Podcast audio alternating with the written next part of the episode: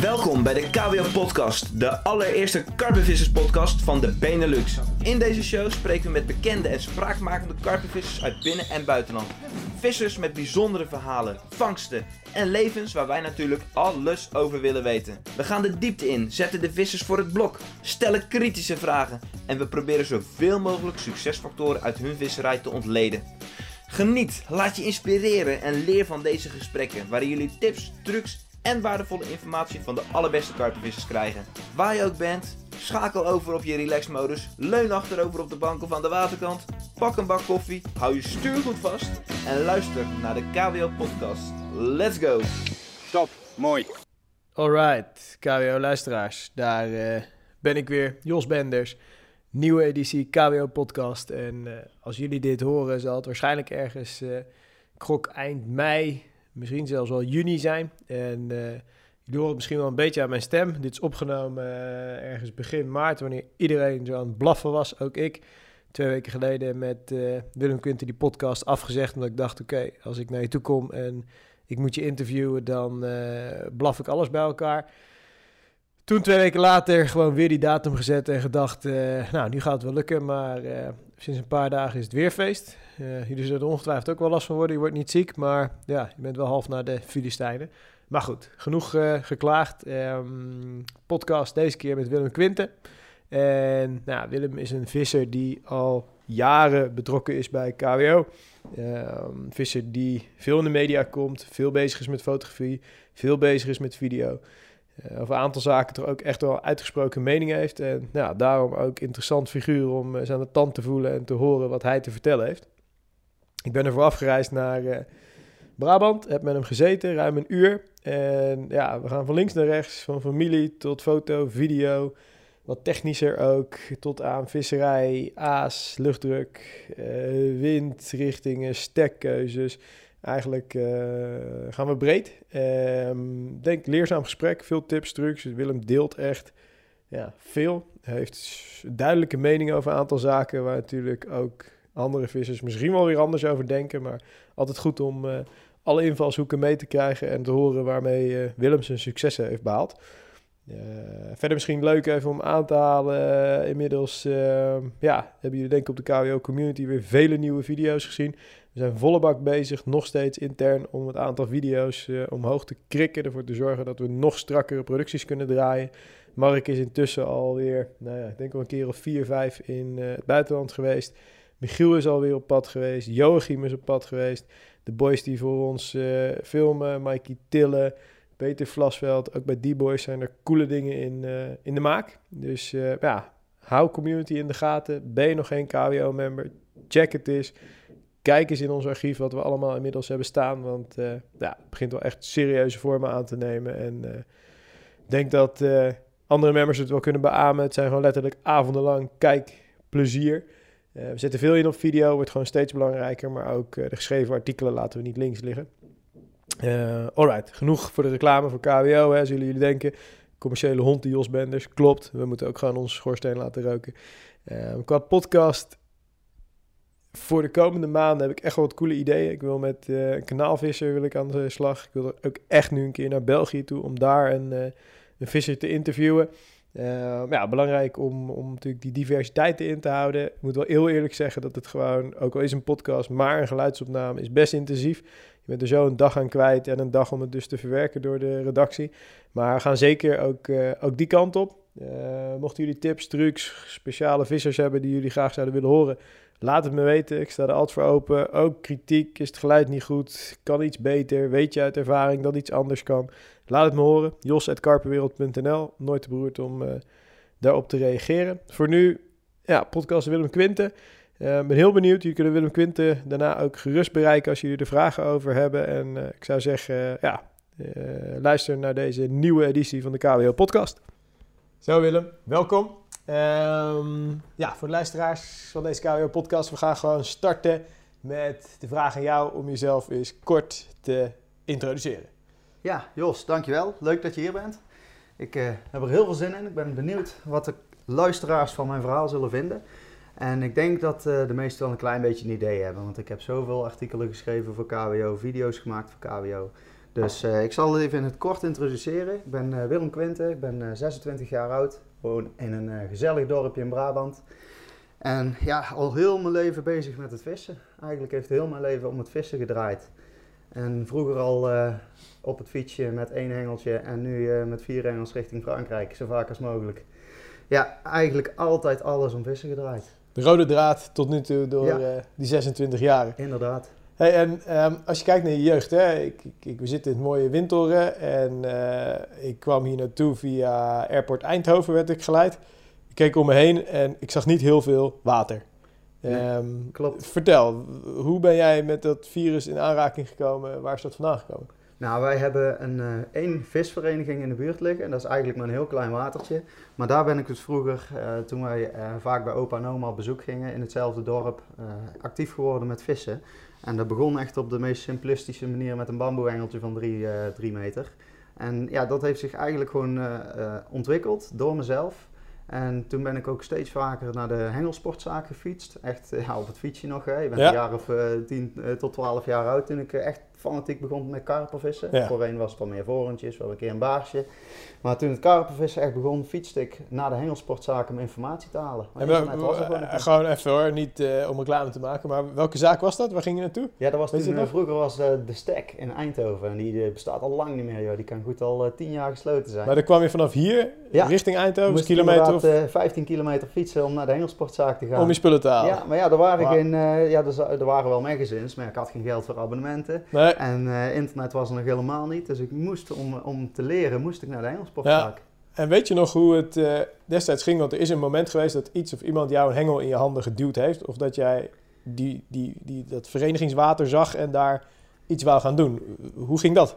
Ja, nou dat is door mijn toenmalige beste vriend gekomen. En, eh, ehm, want hij had van zijn opa weer het vissen meegekregen. Ja, Maar ik heb zelf binnen de familie eigenlijk helemaal niemand die vist. Dus ik ben door die toenmalig beste vriend eh, één keer mee gaan vissen. En Ja. die hengel die heb ik eigenlijk nooit meer losgelaten. En, en, en dat was natuurlijk ja, de klassieke leerschool. Wat je al aangeeft. Bamboehengel, vorentjes, Ja, baars.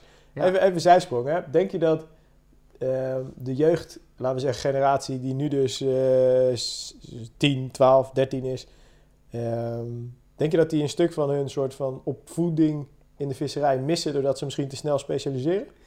Ehm, ja, aan de ene kant wel, maar aan de andere kant ook weer niet.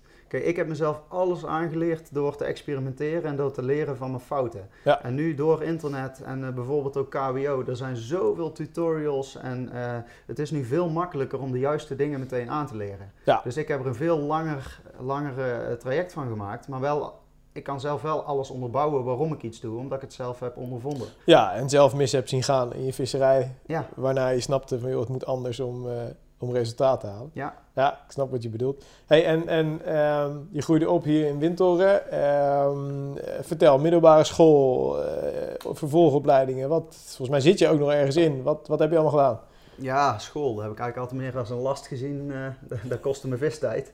Dus eh, het was bij mij heel vaak, eh, ja, vanaf dat ik naar de middelbare school ging, toen was ik ook al heel erg fanatiek aan het nachtvissen. Ja. Met mijn fietsje en mijn fietskar. En ja, ik kwam natuurlijk standaard iedere ochtend te laat. Dat was echt wel een typisch... Want hoe deed je dat dan? Je fietste naar huis vanaf het water, spullen de schuur in en dan de fietsen op naar school. Ja, als ik het al haalde om langs huis te gaan. Ja. Vaak, vaak was het ook gewoon rechtstreeks naar school met eh, mijn laarzen vol met modder. En eh, ja, ik heb wel eh, wat voor lul gestaan in de klas hoor. Ja, je had gewoon maling aan. Je ging gewoon. Ja, nou ja, goed, als er een vis in de sling zat 's ochtends, dan moest hij op de foto. En dan Ja. kostte je daar gewoon je ochtenduren, ja. Ja. Hey, en en ehm, eh, middelbare school heb je uiteindelijk, denk ik, afgemaakt. Hè? Gewoon Ja. netjes. Wat heb je gedaan op de middelbare school? Ik heb VM, VMBO, theoretische leerweg gedaan. En eh, daar was ik al niet eh, de ideale student.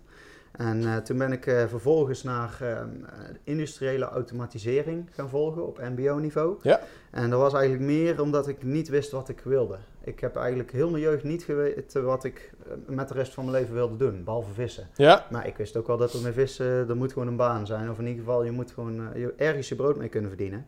Nou, mijn vader heeft hier zijn eigen bedrijf in eh, luidsprekers, in audio. Ja. En daar heb ik vroeger al eh, van kleins af aan wel mee geholpen.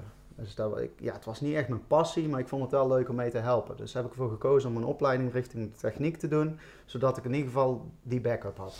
Nou, die opleiding die heb ik eh, met één jaartje vertraging door het vissen natuurlijk, heb ik die afgesloten, afgerond. En ben ik wel blij mee dat ik die in ieder geval als backup heb. Maar toen wist ik nog steeds niet wat ik wilde gaan doen. Het enige wat ik wist, is dat ik niet voor een bedrijf, voor een baas zou wil, wilde gaan werken. Dus dat zat er al heel snel in dat je... Ja, nou ja, dat was de enige optie. Of ja, je hebt twee opties. Of je gaat voor de baas werken, of je gaat doorstuderen. Ja. Nou, toen heb ik ervoor gekozen om toch door te studeren. Maar nog steeds wist ik niet wat ik precies wilde gaan doen. Maar ik ben altijd al bezig met kennis delen. Ik vind kennis delen een van de mooiste dingen die er is in de Mhm. wereld. Dus daar heb ik ervoor gekozen om een lerarenopleiding te gaan volgen. En vanzelfsprekend richting de techniek, omdat ik die vooropleiding Ja, had. En was dat mbo of hbo destijds? Dat was een HBO. Ja, die volg ik nu dus nog steeds. Hè. Ik zit nu in mijn Ja. afstudeertraject, dus ik ben wel echt, eh, ik loop tegen het einde aan. Maar dat is een HBO-opleiding. En dat is Eindhoven geweest? Of hoe, Ja, in eh, Eindhoven. Eindhoven, oké. En, en die opleiding, dat is een, ook echt een... Wat is de naam daarvan? De docentenopleiding is dat? Het, het heet de Pedagogische Technische Hogeschool. Ja. En dat is dus eigenlijk leraar technisch beroepsonderwijs. Oké, op hbo-niveau. Op HBO. Gaaf. En wat verwacht je? Eh, letterlijk nog twee maanden eh, voordat je doorheen bent? Of hoe... eh? Nee, nee, want je, je zit met va- vaste startdatums voor het afstuderen. Ja. Maar ik ben eigenlijk al een beetje in voor aan het werken, want ik wil er gewoon vanaf zijn natuurlijk. Ja. Maar ik mag na de zomer pas starten met afstuderen. Omdat ik dan al mijn studiepunten pas binnen heb. En hoe, Maar ik heb hoe ziet mijn- dat traject eruit dan, afstuderen? Het afstuderen moet je een onderzoek doen. Ja. En dan moet jij, eh, kijk, ik, heb, eh, ik kan wel meteen een praktisch voorbeeld geven hoe ik het zelf wil gaan eh, vormgeven. Ik ben natuurlijk altijd bezig met film maken. Dat Mhm. weten jullie wel. Iedereen die luistert, die heeft video's van mij gezien. En ik ben, ik ben met het idee gekomen op, op mijn stageschool. Ik loop nu de stage op een VMBO-school. Om daar videotutorials te implementeren. Zodat de leerlingen minder informatie nodig hebben van de leraar. Ja. Maar juist uit videotutorials al hun informatie kunnen halen. Alle stappen die ze moeten doorlopen om een project te doen of een Mhm. opdracht, die kunnen ze in die videotutorials terugvinden. Dus daar ben ik afgelopen week al druk mee bezig geweest. En eh, Ja. het, het loopt nu, de pilot loopt nu. En de leerlingen zijn super enthousiast. En de leraar houdt tijd over. Dus het lijkt te werken. Kijk, dus eh, het onderwijs wordt ontlast. Ja. En jij hebt er een, eh, een cool afstudeerproject bij. Gaaf. Hey, en ehm, eh, dan komen we natuurlijk op het punt eh, dat we kijken naar je situatie. Eh, daarnaast heb je, heb je bijbaantjes gehad waarschijnlijk. Ehm, ik ken je verhaal. Ik weet natuurlijk dat je op een gegeven moment volle bak bent gegaan voor je eigen bedrijf. Maar, maar wanneer is dat opgekomen? Wanneer ben je, heb je die stap gemaakt om, om echt te gaan ondernemen? Ja, die, eigenlijk heb ik die stap nooit echt gemaakt. Ik heb nooit gezegd, ik wil voor mezelf beginnen op het gebied van foto en video. Ik heb die keuze eigenlijk nooit gemaakt. Ik ben daarin gerold. Oké, En dat is eh, eh, ja, wel grotendeels door de hengelsport. Omdat ik vroeger natuurlijk die foto's van mijn vissen en dat, dat sloeg aan op eh, social media, Facebook, Instagram. Mhm. En zo kwam er ja, gewoon de eerste opdracht uitrollen. En dat zijn natuurlijk gewoon zwarte klusjes die ja, Ja. blij bent dat je überhaupt een keer een, een klusje met je hobby kan combineren. tuurlijk. Maar dat is zo uit de hand gelopen dat ik op een gegeven moment een, een opdracht kon aannemen. En die was zo groot dat ik me- mezelf moest inschrijven daarvoor. Ja, Dus dat is op een gegeven moment het, het duwtje, de druppel op de, op de emmer geweest. Om toch mezelf eh, in te schrijven als ondernemer. ja. En daarna is het in zo'n gigantische stroomversnelling geraakt dat ik... eh, ja, ik, ik zeg al, ik heb nooit die keuze gemaakt, maar achteraf zou ik niet anders willen. En, en over welke periode hebben we het nu? Want wanneer ben je officieel ingeschreven? Ik ben eh, januari 2017, dus ik ben nu, Ja. nu we dit opnemen, ben ik bijna 2,5 jaar ondernemer. Dat je van start bent gegaan. Ja. Gaaf. Hey, en als je kijkt naar ehm, producties die je gedraaid hebt, hè, het is dus, dus hoofdzakelijk fotografie en video. Hè? En van A tot Z, van, van schieten tot nabewerken tot eh, de edits op videogebied. Eigenlijk het complete plaatje bied je aan. Ja, toch? het complete plaatje en zelfs nog groter dan dat. Want ik verzorg ook tegenwoordig voor heel veel bedrijven de marketingstrategie. Dus dan heb ik gewoon een jaar eh, opdracht lopen om eh, de marketing van een bedrijf te verbeteren, te laten groeien. Cool. En op dit moment is het dus, we, we hebben natuurlijk een voorbespreking al gehad hoor, maar ehm, op dit moment is dat eigenlijk dat de focus ligt buiten de hengelsport. Ja, nou ja, goed. eh, ik wil een mooie balans. Ja. De hengelsport vind ik de mooiste tak van sport die er is, omdat het mijn hobby is. Daar ligt mijn passie en daar wil ik natuurlijk zoveel mogelijk mee bezig zijn. Maar aan de andere kant moeten we ook realistisch zijn. En is er in de hengelsport gewoon, eh, ja, ik heb net een huis gekocht, ik ben Ja. aan het verbouwen. Jij weet het verhaal. Daar kan ik gewoon niet trekken. Nee, nee, Dus, nee. Dat, eh, daar moet, de balans moet de goed balans zijn moet goed zijn. en er moet marge gemaakt kunnen worden. Ja, dat, dat snap ik. Ehm, en als je kijkt naar, eh, je zegt hengelsport vind ik, vind ik heel gaaf. Wat zijn de, de vetste producties, of wat is de vetste productie die je aan de hengelsport hebt mogen schieten? Wat, wat komt er meteen in op? Uh, er zijn er eigenlijk twee, uh, twee projecten die meteen in me opkomen. En de eerste is natuurlijk mijn jaarfilm. Dus Ja. de, de film die ik heb gemaakt Van met al mijn beelden van 2018. Ja. Die is uh, afgelopen december online gekomen als Carpovitamines uh, 2018. Ja, de XXL variant. Ja, de XXL variant inderdaad. Nou, dat zijn gewoon al mijn mooiste beelden van een heel jaar. Met bijna alle vangsten die erin zaten. waren er meer dan 300. Ja, da daar ben ik gewoon enorm trots op. Ja. En daarnaast heb ik een uh, maandje of twee geleden een KWO Stories met mezelf opgenomen. Cool. En KWO Stories is een uh, idee wat ik samen met Michiel heb opgestart. Om, uh, om verhalen van vissers die Ja. iets unieks hebben meegemaakt, om die te, te gaan vastleggen. En toen heb ik ervoor gekozen, van, ik zit altijd achter de camera. Heb Ja. ik ervoor gekozen om ook zelfs eens een keer voor de camera te gaan zitten. Ja. Dus ik heb mijn verhaal van, van kleins af aan tot, uh, tot later. Schenk even wat thee in ondertussen. Voor Jos, hè. ik drink Dank u. koffie natuurlijk. Service hier hoor, van, eh, van Senior Quinten. Kijk. Dank u. Ja, toen ben ik dus voor, zelf voor de camera gaan zitten. Heb ik KWO Stories met Willem Quinten opgenomen. Ja. Nou, ik raad aan, kijk hem even terug als je hem nog niet gezien hebt. Want Cool. dit is echt mijn, eh, mijn levenswerk. Dat Ja. is echt waar ik trots op ben. Waar ik mijn verhaal kwijt kan. Zoveel mooie vangsten in heb eh, kunnen verwerken. Gaaf. Ook nog een aantal tactieken. Hoe ik het meest gericht op grote vissen vis. Dus En wat je ook natuurlijk van A tot Z zelf hebt kunnen regisseren. Ja, inderdaad. Ja, ik heb hulp gehad van Luc Zomerhuis. Luc Ja. heeft eigenlijk de, de camera gedraaid terwijl ik mijn verhaal deed. Tof. Maar de verder rest zijn natuurlijk overlaybeelden die ik in het verleden al opgenomen Ja, heb. die erin Ja, verwerkt. en nu was Ja. alleen het verhaal eromheen nog opnemen. Ja, en dat is wel echt een, eh, een stukje video waar ik echt trots op ben. Ja, Cool. Nou jongens, tip. Kijk dus even, eh, check de KWO Community, twee stuks. Eentje eh, recap 2018 van Willem en dus recent stories waarin hij zelf ook de hoofdrol speelt. Ehm, hey, en Willem, als je dan eh, de luisteraars een idee moet geven, hè, zo'n video die je edit. Kijk, ik weet wat voor werk erachter zit. Maar ehm, ik weet even niet uit het hoofd, KWO Stories met jou, hoeveel minuten is die? die duurt eh, ongeveer 30 minuten. 30 minuten, half uur. Ja. Wat zit daar aan werk achter als je dat in uren moet uitdrukken? Gewoon dus om die gasten een beeld te geven. eh, ja, Het is wel grappig dat je dat benoemt inderdaad, want dat wordt door iedereen onderschat. ja, Iedereen wordt dat onderschat. Zo'n video, daar Ja. kun je gerust drie dagen montage vertellen. ja, maar puur montage. En dan heb je het schietwerk nog montage niet. al, hè? dus dan heb je de beelden op je SD-kaartje staan. En dan ga je aan de slag. schijf, en dan ga je pas aan de slag op je computer. En dan ben je gewoon drie werkdagen verder voordat er daadwerkelijk een videootje. En deze duurt dan, ik geloof, 25 minuten precies. Die 25 minuten, dat is wat de mensen uiteindelijk zien, het eindproduct. Maar daar zitten gewoon drie werkdagen montage achter. Maar dus drie werkdagen montage. Maar laten we zeggen, het materiaal wat je schiet, natuurlijk, dat schiet je ook tijdens eh vissessies. Ja. Eh, maar dat is denk ik minimaal dezelfde tijd en energie die erin gaat. Want Ja, zeker weten. de beelden die men terugziet op die video's, dat is waarschijnlijk maar 30% van het ruwe materiaal. Of misschien Oh ja, 20% van het ruwe materiaal wat je überhaupt eerst geselecteerd hebt. Het is wel leuk voor, eh, voor luisteraars om eens een beeld te krijgen van jongens, wat zit daar nou achter? Hè? We krijgen ook, ook op KWO, zijn volle bak bezig om zoveel mogelijk video's te pushen. Ook met Willem, ook met andere gasten. Maar ja, de workload die daarachter zit is gewoon giga. Dat, ja, eh, maar goed, eh, je hoeft per dag ongeveer 8 uur te slapen. Dus dat wil zeggen dat je... ja, eh, dat je er nog genoeg hebt. genoeg hebt om te werken. Nou, volgens nee, mij, ik zit niet stil, Jos. Ik ben iedere avond ja, toch wel tot laat bezig. Ja. Ja. Ah, Willem vertelde me vanochtend dat hij daarnaast ook een huis aan het verbouwen is. Hij is school aan het afronden. En volgens mij wil hij zelf ook nog vissen. Dus ik denk dat je misschien die acht uur niet helemaal redt per nacht. Maar eh, het, Het is een- inderdaad, het zijn korte nachten. het is een mooi streven. Hey, en en ehm, even terug naar jou, jouw thuissituatie. Hè. Vind ik leuk om daar nog, eh, nog even op in te gaan. Ehm, je woont hier, eh, vader, moeder, broertje, Sjors.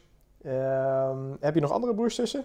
Ja, ik heb nog één broertje. En Ja. die, eh, die is ook afgelopen jaar uit huis gegaan. Sjors is afgelopen jaar uit huis gegaan. En Ja. ik sta ook op het punt om als de verbouwing klaar is om uit te vliegen.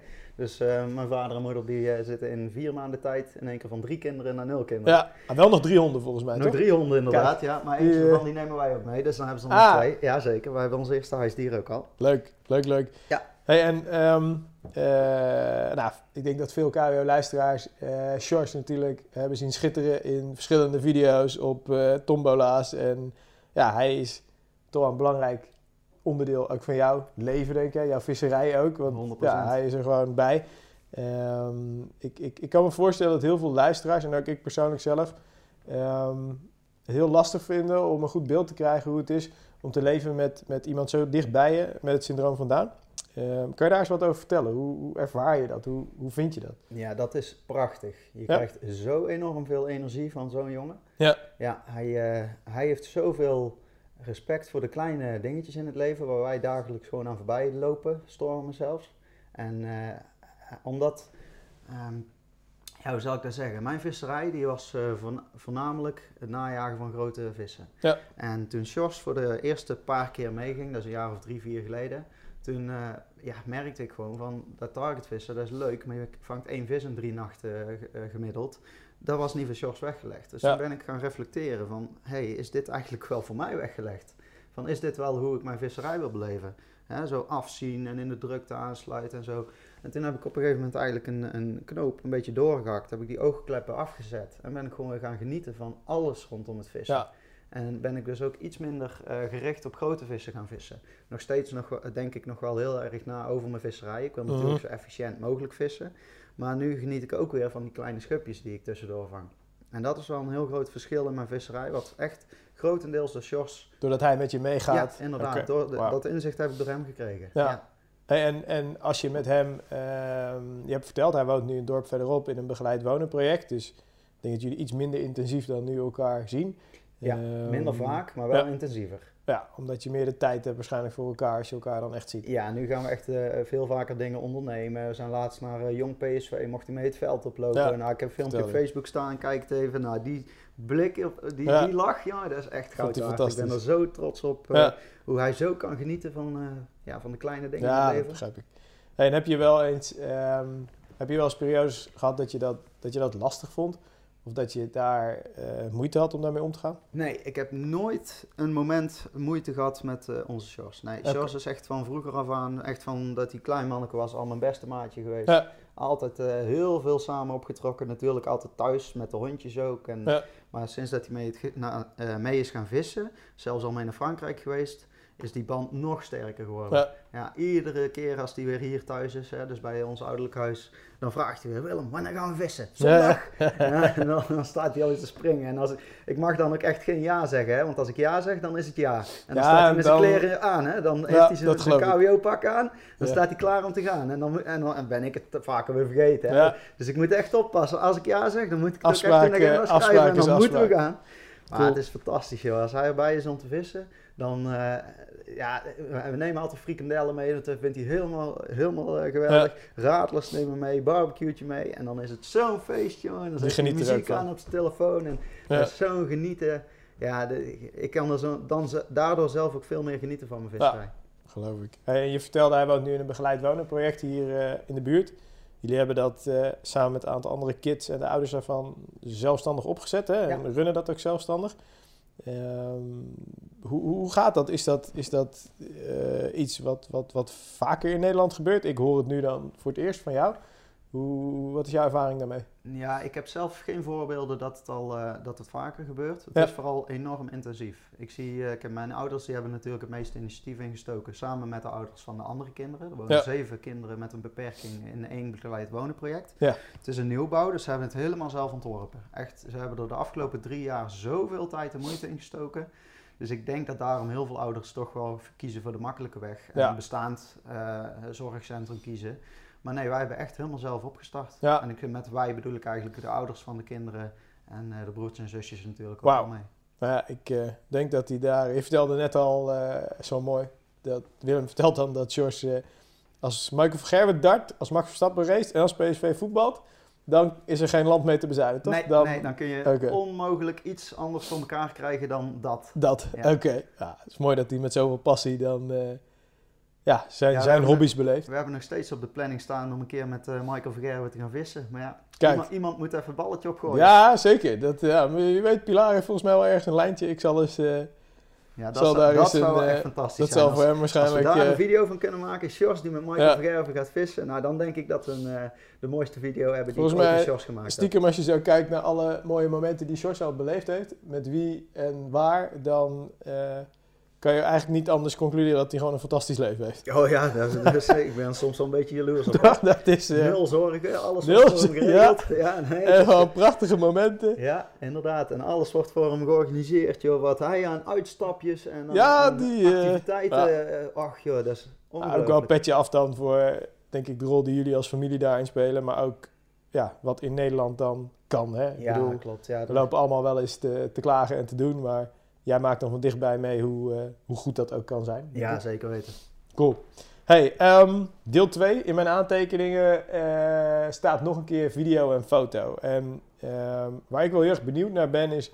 Hoe is op een gegeven moment bij jou in die visserij eh, erin geslopen... dat je dus echt video, foto zo'n prominente plek hebt gegeven tijdens het vissen? Ik denk dat dat ergens in mij altijd al een plekje heeft gehad. Ja? Want vanaf de allereerste keer dat ik een, eh, een cameraatje kocht, nou, dan praat je echt over iets van 300 euro, wat eh, tegenwoordig zijn de smartphones nog beter. Ja. Toen was ik al zo gedreven om betere foto's te maken. Maar Ja. ik merkte gewoon dat het niet kon met het materiaal dat ik had. Dus toen heb ik op een gegeven moment van al mijn spaarcenten heb ik een, eh, een Canon 6D gekocht. Dat was de eerste full frame camera die ik toen... ja, toen dacht ik echt, nou heb ik de beste camera ter wereld. Ja. Dat was zo'n grote stap voor mij. En ja, daar praat ik echt dus al over. Ik denk dat ik die al zeven jaar geleden gekocht heb. Ja. En toen ik die camera gekocht heb, is alles in een stroomversnelling geraakt. Daar ben je toen mee gestart. Ja, toen had ik een goede camera, goede lens. Dus dan heb je materiaal waar je, waar je jezelf mee kunt doorontwikkelen. Ja. En ik heb die drive, die passie om te leren, heb ik altijd al gehad. En in fotografie, toen was het nog fotografie, Ja. heb ik echt mijn, eh, mijn eh, draai kunnen vinden. Ja. En, en wat doen die foto's, die vangstfoto's, maar ook die sfeerfoto's... wat betekenen die in jouw hobby voor jezelf? Ja, die tekenen eigenlijk heel mijn leven. Want ik Ja. heb, ik heb mijn hele jeugd, tot, eh, eigenlijk tot nog steeds hoor, hebben die mijn leven getekend. En al die vangstfoto's zijn eigenlijk de herinneringen waar ik al die uren voor aan het water heb Ja. Het zijn gewoon een soort van jouw medailles Ja, eigenlijk wel. voor ja. de prestaties die... eh, ja. Iedere keer als ik weer door mijn fotomapje ga, ik, ik heb ook al mijn foto's afgedrukt. Dus ik heb echt een mapje liggen met fysieke foto's. Als ik daar doorheen scroll, hè, Ja. er is een vriend van mij bij koffie of zo, hè, die, eh, dan, dan scrollen we weer doorheen. En dan kan ik eigenlijk gewoon heel mijn jeugd weer Ja, herleven. tuurlijk. Dan ga je terug naar, eh, naar die momenten. Ja. Ja, gaaf. Hey, en ehm, je vertelt natuurlijk, op een gegeven moment heb je stap gemaakt om te investeren in professionele apparatuur. Ik denk dat voor de jongens die ook al wat langer met fotografie, video bezig zijn, ze ook wel benieuwd zijn naar bepaalde keuzes die je hebt gemaakt. Ik weet dat je op een gegeven moment van Canon volledig overgestapt bent naar Sony.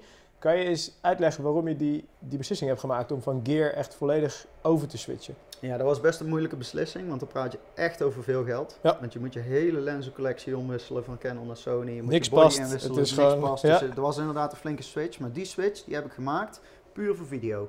Oké. Want voor fotografie zou ik nooit geswitcht zijn. Mhm. Dus eh, ik denk, en zeker binnen de hengelsport, dan kun, kun je met Canon camera's beter fotograferen dan met eh, de Sony camera's. Ja. Als je kijkt naar het geld. Want de Sony camera's, die zijn, tenminste als je de goede, de nieuwere range wil hebben, Ja. die zijn gewoon flink aan de, aan de prijs. Ja, Dus, eh, maar ik wil vooral focussen op video. En Sony die heeft dat eh, denk ik in de consumentenmarkt gewoon meer beter begrepen. Want die is voor prijs-kwaliteit zo'n goede... eh, ja, het zijn fotocamera's, maar ze kunnen tegenwoordig gewoon net zo goed filmen. Ja. als een professionele filmcamera. Want, want als je kijkt, even technisch, hè, jouw gear nu, ehm, waarmee fotografeer je en waarmee schiet je je video's? Ja, ik heb wel nog een, eh, nog een klein setje Canon natuurlijk. Want ik heb gewoon zoveel materiaal gehad van Canon, dat doe je nooit allemaal weg. Dus ik heb eigenlijk een setje Canon wat eh, mijn vriendin gebruikt. Want die is ook flink aan het leren in foto en Ja, video. tof. Dus die schiet eigenlijk nog met Canon. En ik heb zelf twee Sony bodies met een heel pakket lenzen waar ik eigenlijk al mijn producties mee draai. Ja, En eh, kijk, als ik ga vissen, dan neem ik natuurlijk maar gewoon één camera en één lens mee. Ik ga niet mijn hele tas mee Nee, sjouwen. Hij snap is al een keer gestolen, dus dat wil ik niet nog een keer.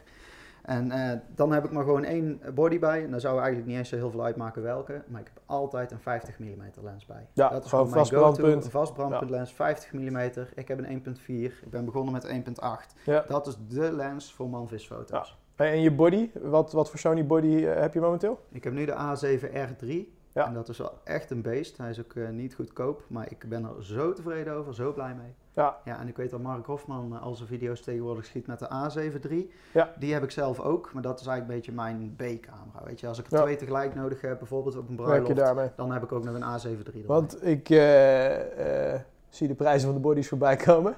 en dan schiet er wel eens een draadje maar in. Maar de, de, de body, de A7 R3, eh, 2,5, 3 duizend euro inmiddels? 35. 35 al, wauw. 35 ja, en dan heb je eh. het dus puur en alleen over de body, En hè? dan heb je nog geen lenzen. Nee. En de, de body, zoals je kijkt, de A7 R3 ten opzichte van de, de, de, de A7 II-series, hebben weer veel betere accu's, hè? Veel dikker. Ja, de accu is groter, dus ze gaan ook echt eh, meer- 2,2 keer zo lang mee. Merk je dat ook echt? Ja, dat merk je echt. Ja? want die kleinere accu's van de, dan, van de type 2 camera's, die gingen echt sneller. Ja, maar dat waren gewoon- de standaard accu's, hè? Ja, inderdaad. Als je eh, twee uur fanatiek aan het filmen was, Ja, dan dat was gewoon klaar. leeg. Dus je moest op een dag draaien, moest je vier accu's verwisselen. Ja, ik had er ook eh, negen. ik kan dat beamen. Mijn vriendin schiet met een A7 R2 en die eh, eh, heeft ook meer accu's dan materiaal bij zich. Dus eh, klopt, dat gaat echt als een trein. Ja, maar nu En die de- nieuwere serie, die, daar is dat opgelost. En daarnaast zijn de specificaties ook echt een heel stuk beter. Ja. Ja, en vooral op video videoprestaties. En autofocus is eh, de belangrijk, autofocus toch? is echt bizar goed, Ja. inderdaad. Die, eh, het is gewoon bijna onmogelijk om een eh, onscherpe foto te maken, terwijl het vroeger andersom was. Maar ook met het schieten van video's? Is de autofocus ook echt... Ja? Echt, en, ja, ik heb vroeger alles manual gedraaid, dus handmatig scherp stellen.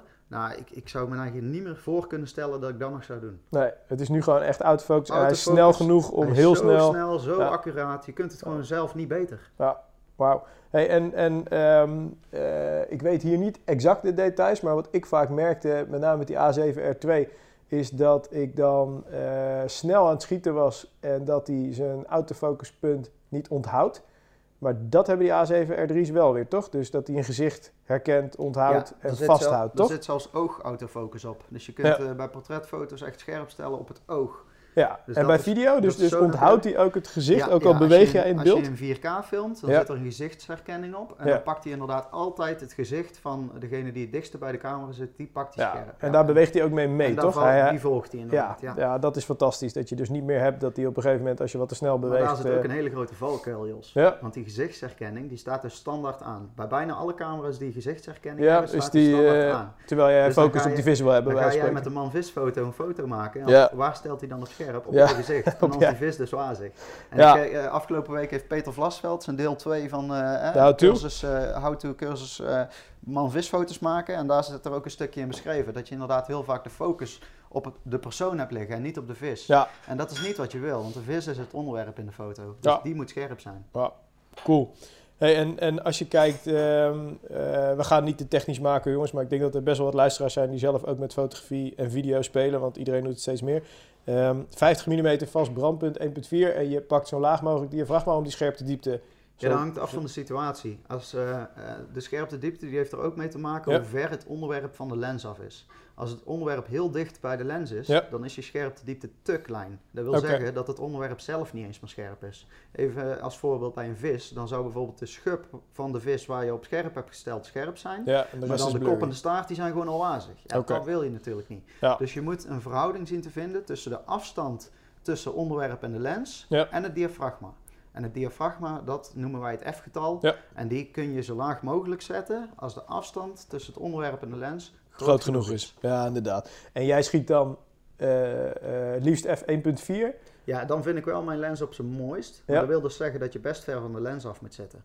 Dus de standaard man visfoto, Ja. zoals je die het meest voorbij ziet komen, die kun je absoluut niet op 1.4 maken. Omdat het gewoon te dichtbij is. Ja, want dan ben jij zelf niet eens meer herkenbaar. En die vis Ja. zelf is niet eens helemaal scherp. Hey, en als je nou, eh, hè, als wij even, even de stap maken, want, want dit soort budgetten, ja, eh, heel logisch is voor de gemiddelde visser eh, misschien wel te betalen, maar ligt niet de focus op, zou ik ook niet doen. Als je nou gewoon zegt van joh, ehm, je wil een, een setje waarmee je gewoon fatsoenlijk kan fotograferen. Eh, even de, de smartphones eh, buiten beeld, hè, want die hebben ook prima kwaliteit tegenwoordig. Maar Mhm. wat, wat voor merk en wat voor type heb je daar een bepaald advies waarvan je zegt van nou, kijk daar eens naar? Ja, ik wil voordat de camera's op gaan noemen, want ik heb er een aantal in gedachten die ik wel Ja. kan delen met jullie. Maar wil ik eerst even over die smartphones beginnen. Ja. Want iedereen kent tegenwoordig wel de nieuwe functie van de nieuwste smartphones, de live focus, hè, ofwel de portretmodus, dat de achtergrond wazig wordt. Ja. En eh, dat is, ehm, kijk voor social media, hartstikke leuk natuurlijk, want dan zie je het verschil niet. Ja. Maar als je goed in gaat zoomen, dan zie je dat dat softwarematig gedaan is. Dus er is eigenlijk het onderwerp is uitgeknipt Ja. en op een wazige achtergrond gezet. En Ah. je ziet ook, als je inzoomt, zie je om het onderwerp heen een, een hele rare lijn zitten. Ja. Dat is de kniplijn. En de ene, camera, of de ene smartphone die lost dat wat beter op dan de andere. Maar uiteindelijk is het gewoon fake. Ja. Het, het is nep. Maar ik ben wel bang, ja, ik hoef er zelf niet zo heel veel eh, niet zo bang voor te zijn, maar dat dat wel de fotografiemarkt gaat killen. Omdat op een gegeven moment die smartphones die software zo goed onder de knie hebben, Ja, dat die dat het er natuurlijk. net zo goed uitziet als dat je Ja. met een lens van 1000 euro Ja, dat ze dezelfde scherpte diepte weten te creëren. Inderdaad, ja. Want Maar de scherpte van de foto overall ik bedoel, de lenskwaliteit kan toch nog niet... eh, Nee, absoluut niet. Kijk maar eens naar het lensje wat in je smartphone Ja. zit. Dat is zo klein, dat is zo'n dun laagje glas. En als Ja. ik een die lenzen die ik gebruik, die wegen meer dan een kilo. Ja. Aan glas alleen al, hè. Dus eh, ik heb een, mijn zwaarste lens weegt 1,6 kilo. Daar krijg je gewoon spierpijn van als je daar een dag mee rondloopt. Ja, die heeft zo'n hoge optische kwaliteit. Daar zit zo'n hoge kwaliteit ja, glas dat, in. dat, dat kunnen ze nog niet eh, en, En- voorlopig waarschijnlijk ook nog niet En helemaal, helemaal als ik die op mijn eh, A7R3 zet, die heeft 42 megapixel. Dat is echt een beest. Daar heb ik al banners mee geschoten voor bedrijven die op 8 meter breed worden afgedrukt. En nog haar 8 meter is Ja. echt groot, hè? Ja. En nog gewoon haarscherp. Dat je geen pixel ziet, geen onscherpte van de lens, niets. Ja, tof. Ja. Tof. Hey, en als je dan, ehm, dus tuurlijk, smartphones is één, hè, maar stel je voor instapcamera, Ja. waarvoor zou jij dan, dan gaan? Heb je Ja, iets in voor de, voor de jongens die echt, en vrouwen natuurlijk, Ja. die echt willen gaan fotograferen. Dus eh, kijk, je hebt eh, honderdduizend verschillende opties. Maar als je echt een next level stap wil gaan maken, dan zijn er eigenlijk twee opties. En de ene optie is voor als je alleen fotografie wil doen, dus Mhm. geen video. Ja. Dan zou ik gaan voor een tweedehands 5D Mark II van Canon. Oké. Dat is een, hele, een heel oud model van Canon, maar daardoor ook super goedkoop. Ja. Maar die sensor die erin zit, die is gewoon super goed. Ja. Full frame sensor. En daar kun je gewoon al die full frame lenzen van Canon opzetten. Dus bijvoorbeeld een 50 mm. Ja, kan je gewoon ik- switchen en ik behouden heb, natuurlijk. die, eh, ik, heb, er- ik heb er nu nog steeds één zelf hoor. Ja. Ik, eh, ik gebruik hem natuurlijk niet zo heel veel, omdat ik gewoon beter materiaal heb. Maar dat is echt een camera, daar durf ik gewoon bruiloft eh, alles mee te, mee te fotograferen. En als je zo'n kitje op markt plaatst, wat, wat doet dat nog tegenwoordig? Ja, als je, je moet natuurlijk niet de allergoedkoopste pakken, want die, dat is Nee, meestal zijn, reden dat die de- het de- goedkoopst De zijn. verrotte. Maar als je gewoon de gemiddelde prijs pakt, dan heb je tussen de, ja, zeg even 700 euro, heb je een body. Ja. Een full frame body. Ja. Dus dat is echt de, ja, de Kwalitatief is dat gewoon, die je kunt eh, krijgen. Het is wel een, in een wat simpeler jasje gegoten. De body is wel lomper. Het is allemaal niet licht, weet je wel. Het is wel ouder, maar het werkt perfect. En moet je bij dat soort bodies eh, nog even goed kritisch kijken naar het aantal eh, foto's wat ermee geschoten is? Nee, ik, ik hecht daar zelf niet zoveel waarde aan. Want een camera, ze geven wel een gemiddeld aantal kliks op. Dat Ja. hij kan fotograferen voordat hij overlijdt.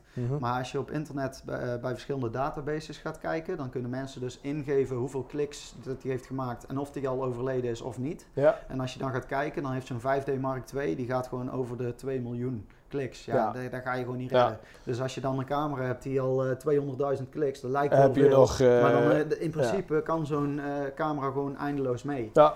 Ja, en tegen de tijd dat hij versleten is, dan is zijn geld ook al waard geweest. Ja, tof.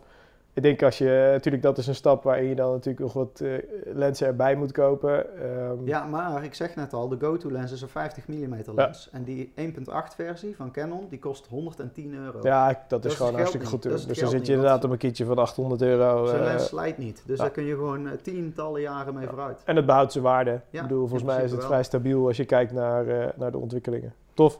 Wat zijn jouw ambities op eh, filmgebied, videogebied, fotogebied de komende jaren? Heb je, heb je nog bepaalde projecten in je hoofd zitten waarvan je zegt, oké, met name dan op hengelsport gericht, dat ga ik nog doen. Dat kunnen KWO-members in 2019 van mij verwachten. Heb je daar bepaalde zaken die je al uit de doeken kan doen? Eh, ja, één leuk project wat dit jaar gaat starten is eh, dat ik voor eh, Spro ga filmen. Ja. Die hebben een x-aantal sessies bij mij eigenlijk ingehuurd. En daar ga ik voor, voor Strategy, Great, Pole Position en Saga wat productievideo's ma Ja. maken, moet ik zeggen. En eh, dat wordt wel een leuk project, denk ik. Want dan mag ik met Pieter, met Koen en eh Saron en de andere teamleden samenwerken. Ja, Nou, dat eh, is een team waar ik altijd gewoon al heel veel respect voor heb gehad. En ja, ik ben blij dat Pieter het zover heeft gekregen dat ik met hem mag samenwerken. Dus dat, daar ga je veel van voorbij zien komen.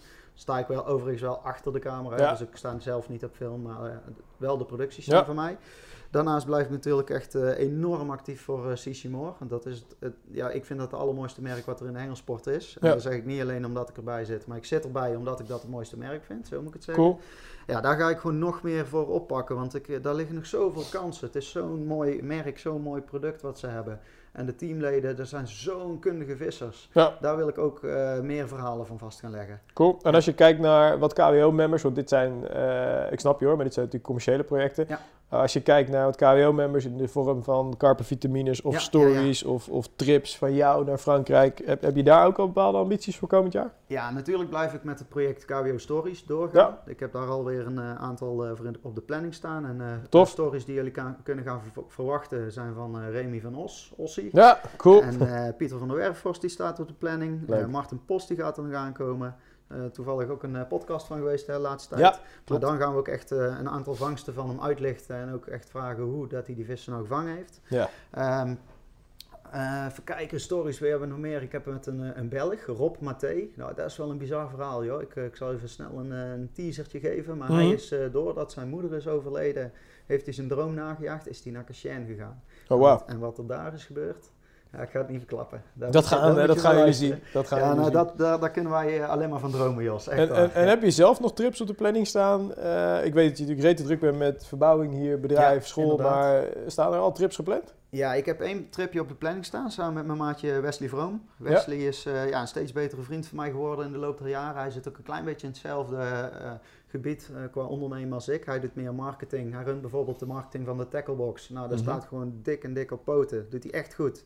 En daarnaast zijn we ook steeds meer samen eh, aan het eh, samenwerken op eh, verschillende projecten. En daar ga ik met eind april mee naar Slovenië. Oké, tof. Ja, dus dan ga ik vier dagjes in Slovenië vissen, waaronder op Bled. Eén dagje maar. Ja. En daarna naar een openbaar water. Dus daar heb ik echt enorm veel zin in. En daarnaast heb ik in eh, mei, een, eh, helemaal off, eh, off the road, een trip naar Noorwegen staan. Zo. Ja, samen met Cordes Travel. Dat is een reisbureau Ja. op het gebied van, van zeevisreizen eigenlijk.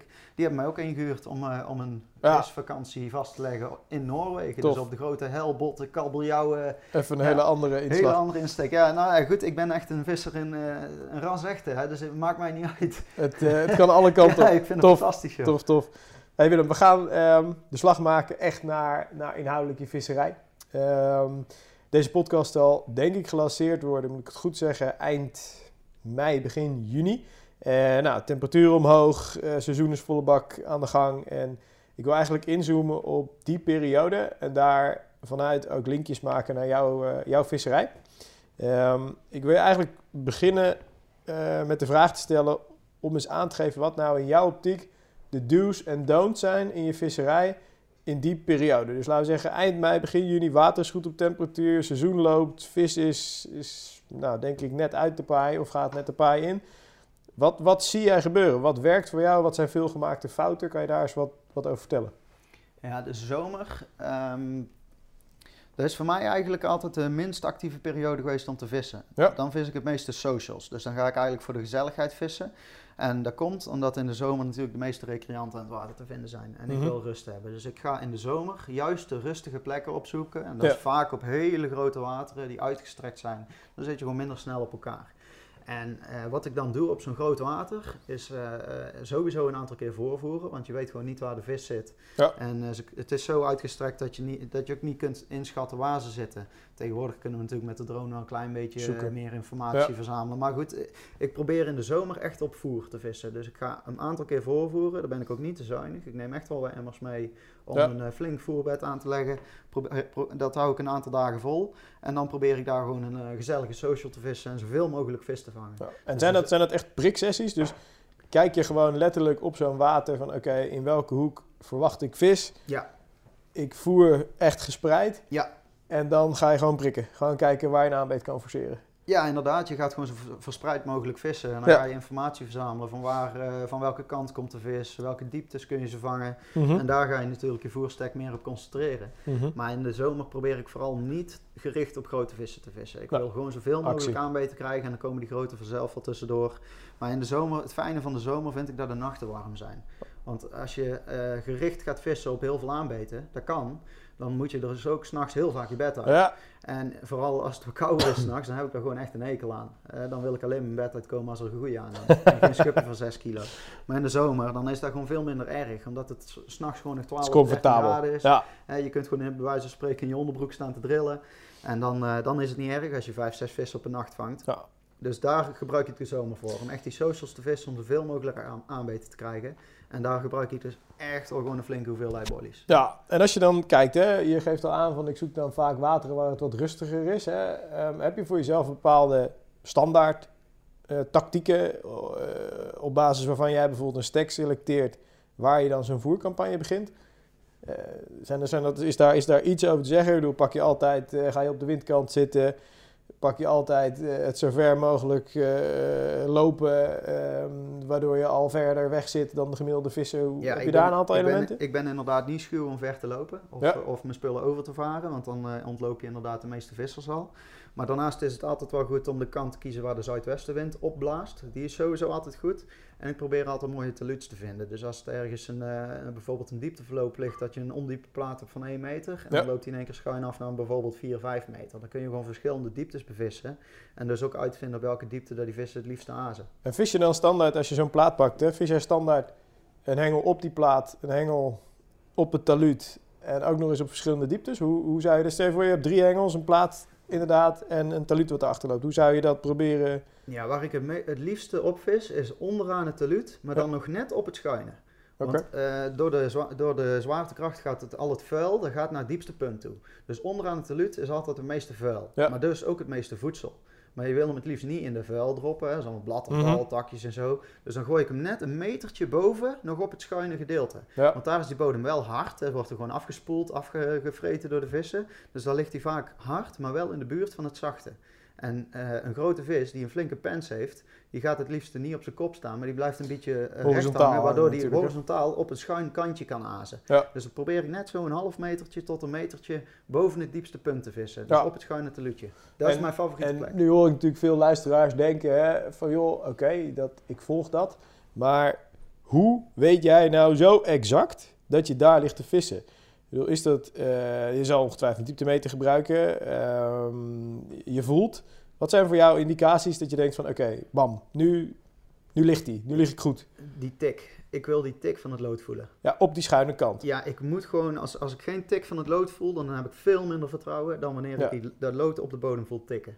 Ja. Het liefst op zo'n, eh, zo'n eh, of, of een grind of op eh, zand of op klei, maar je moet tikken. Ja. Ik moet die, het lood gewoon keer poek. Zo Maar dan ga je er dus van. vanuit dat je dus ook echt het lood gedropt hebt Ja, kijk, op het- het, het op is het taluutje. Het, het is natuurlijk geen millimeter wetenschap, Nee, maar... nee, nee, tuurlijk niet. Kijk, al drop je een meter naar links of een meter naar rechts, dat is dat op ne- Ja. in 9 van de 10 gevallen krijg je nog steeds gewoon die aanbeter. Maakt niet uit. Maar ik wil wel die tik gevoeld hebben. En dan heb ik in ieder geval vertrouwen.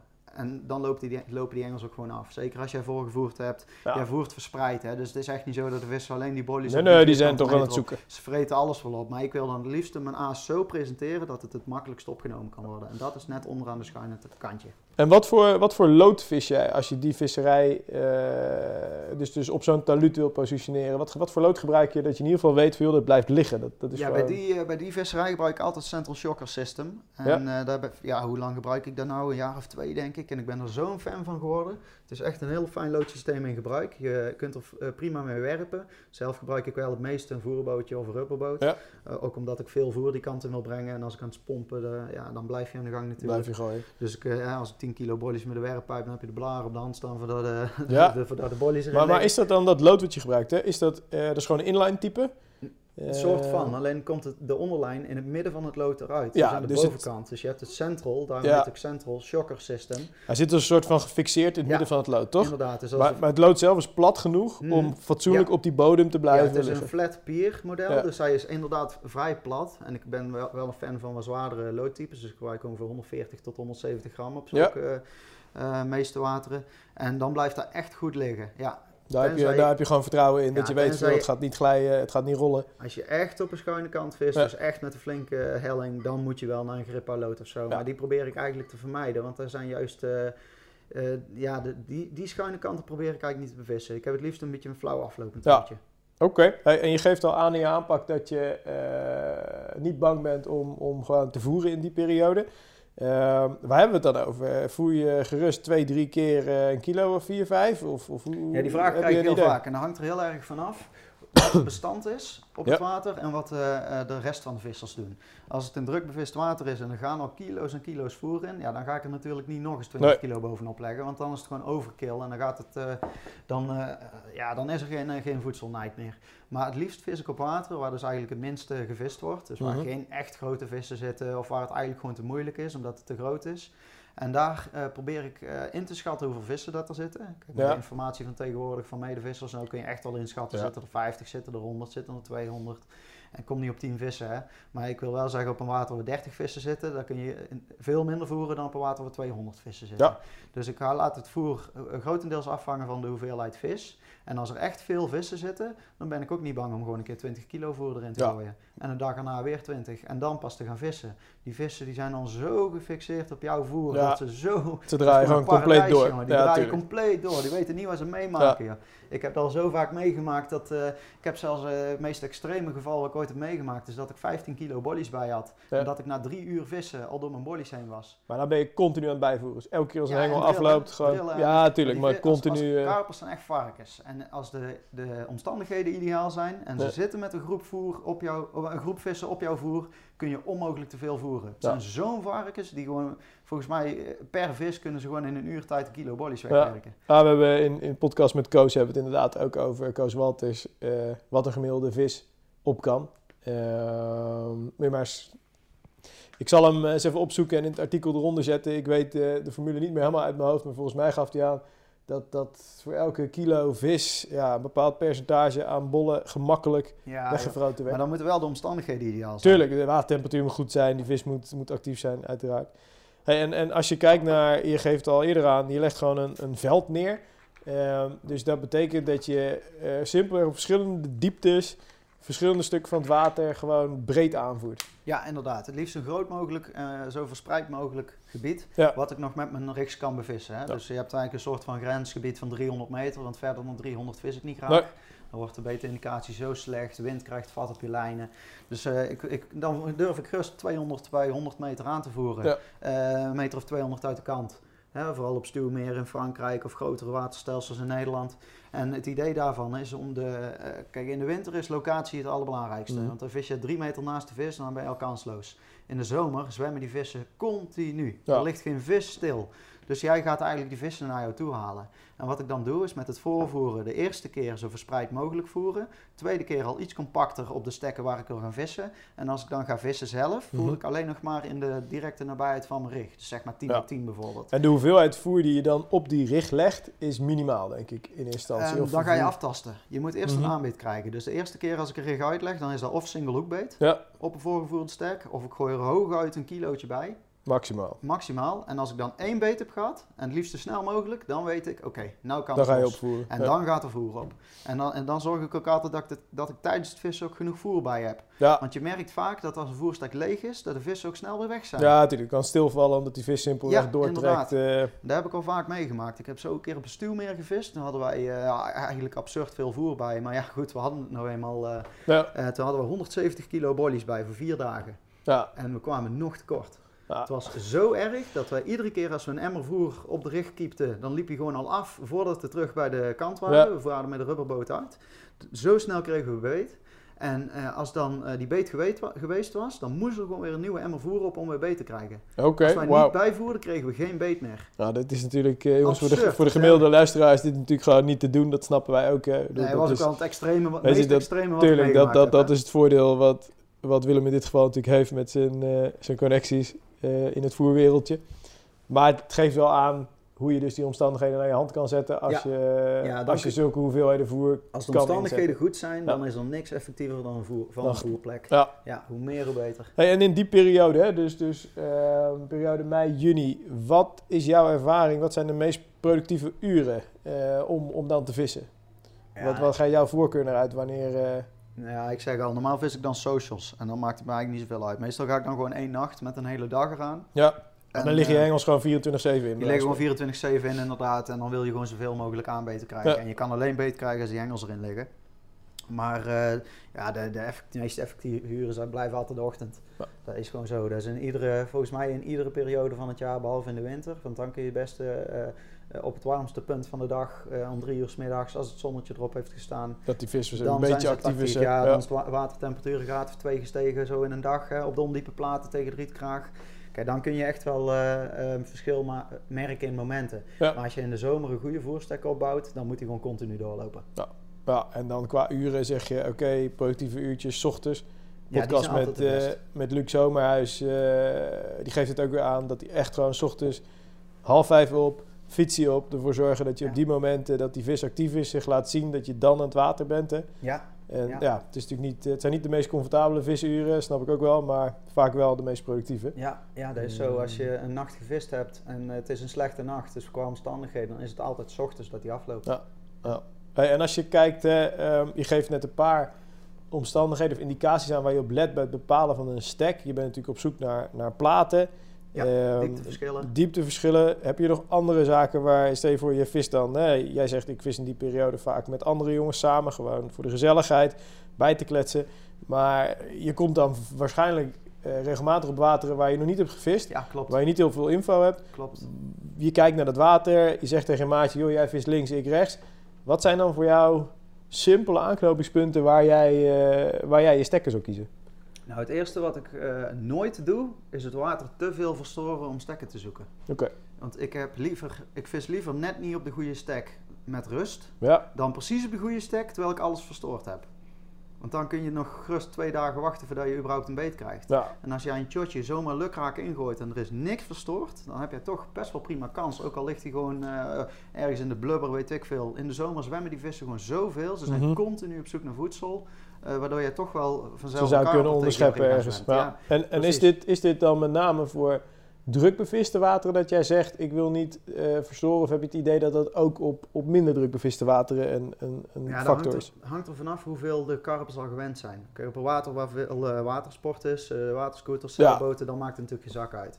Maar als je op een dressuurwater zit, dan wil je natuurlijk niet meer je rubberboot erop hebben gezeten. Want dan kun je het gewoon voor de komende twee dagen vergeten. Ja. Vaak. Ja, want je verstoort simpelweg. Jij, hebt echt het idee dat die vis gewoon, ja. donders goed Ze weet. weten hem donders goed. Er komt een voerboot aan, er komt een rubberboot aan, Ja. dus gevaar, dus naar een andere zone En toe. daarom om, ben ik eh, steeds vaker, eh, zeker als ik met shottricks vis, dan Ja. eh, met een lichtloodje, heel sneaky tegen een feature, bijvoorbeeld een lelieveld of een om- omgevallen boom of noem maar op. Gewoon een heel simpel worpje, het liefst zelfs onderhand zonder mijn eigen kantje. Niks verstoren, rustig zitten.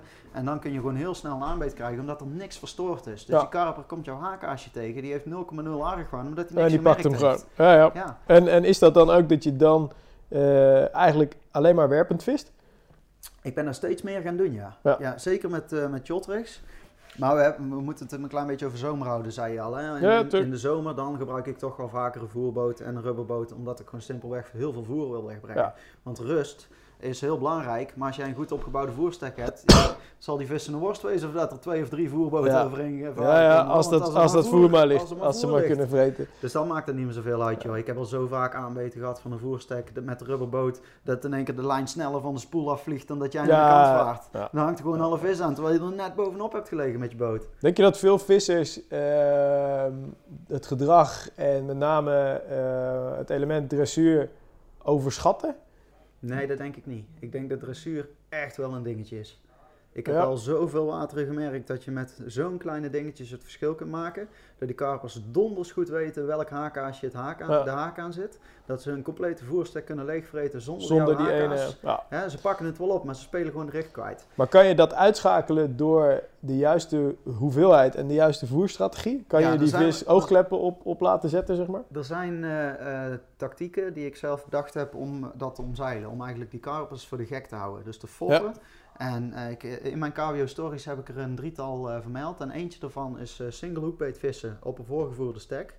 Waardoor die vissen eigenlijk het idee hebben van, oh dat is nog een bolly van gisteren. Ja, er is er nog één. En dan fop je ze eigenlijk van... Ja. eh, eh, Week jij die bol bijvoorbeeld dan ja, ook? liefst wel. Ja, Ja? Die, ja, die bol waar ik dan mee vis, die week ik ook echt Ja. voor. Waardoor er geen attractie meer in zit. Eigenlijk volgezogen is met water. Waardoor die vis echt zoiets heeft van, oh... Er ligt er nog één. er ligt er nog één.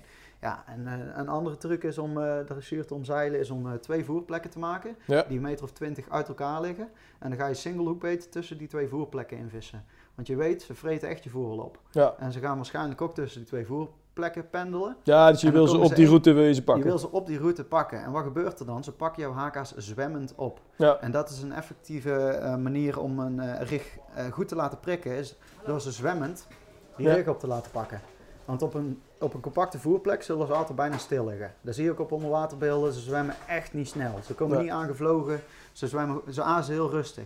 En dan hebben ze dus ook veel tijd om te, in te schatten of het eh, veilig is of niet. Mhm. En als ze dan uh, argwaan hebben, ja, dan tuffen ze het gewoon al uit voordat de haak überhaupt geprikt, Ja. geprikt heeft. Maar op die route zijn ze natuurlijk vol vertrouwen onderweg naar de volgende plek. Ja, inderdaad. Ze verwachten Ze, het gewoon ze niet. pakken op en Ze dan... verwachten eh, dat, de- dat het haakaas op die voerplek ligt. ja, Maar daar ligt het niet. Het ligt tussen die twee voerplekken in als een single hoekbeetje. Ja. Wel dezelfde bolie als waar ik mee vis. Ja, natuurlijk. Dus er is vertrouwen en er is gang. En dat betekent eh, hangen maar. Ik heb zo op eh, verschillende wateren die tactiek al toegepast. En op één water was het zo extreem dat ik eh, ongeveer 40 vissen heb gevangen. Ja. Waarvan er nul van de voerstek afkwamen. Alle 40 op die middelste single hoekbeethengel. Wat er tussenin alle vissen die ik ving, de mat gewoon compleet onderscheten met Ja. bolies. Ja, het dus- wilde natuurlijk wel op die plekken lopen Dus da- daar maakt echt de voertactiek het verschil. Ja.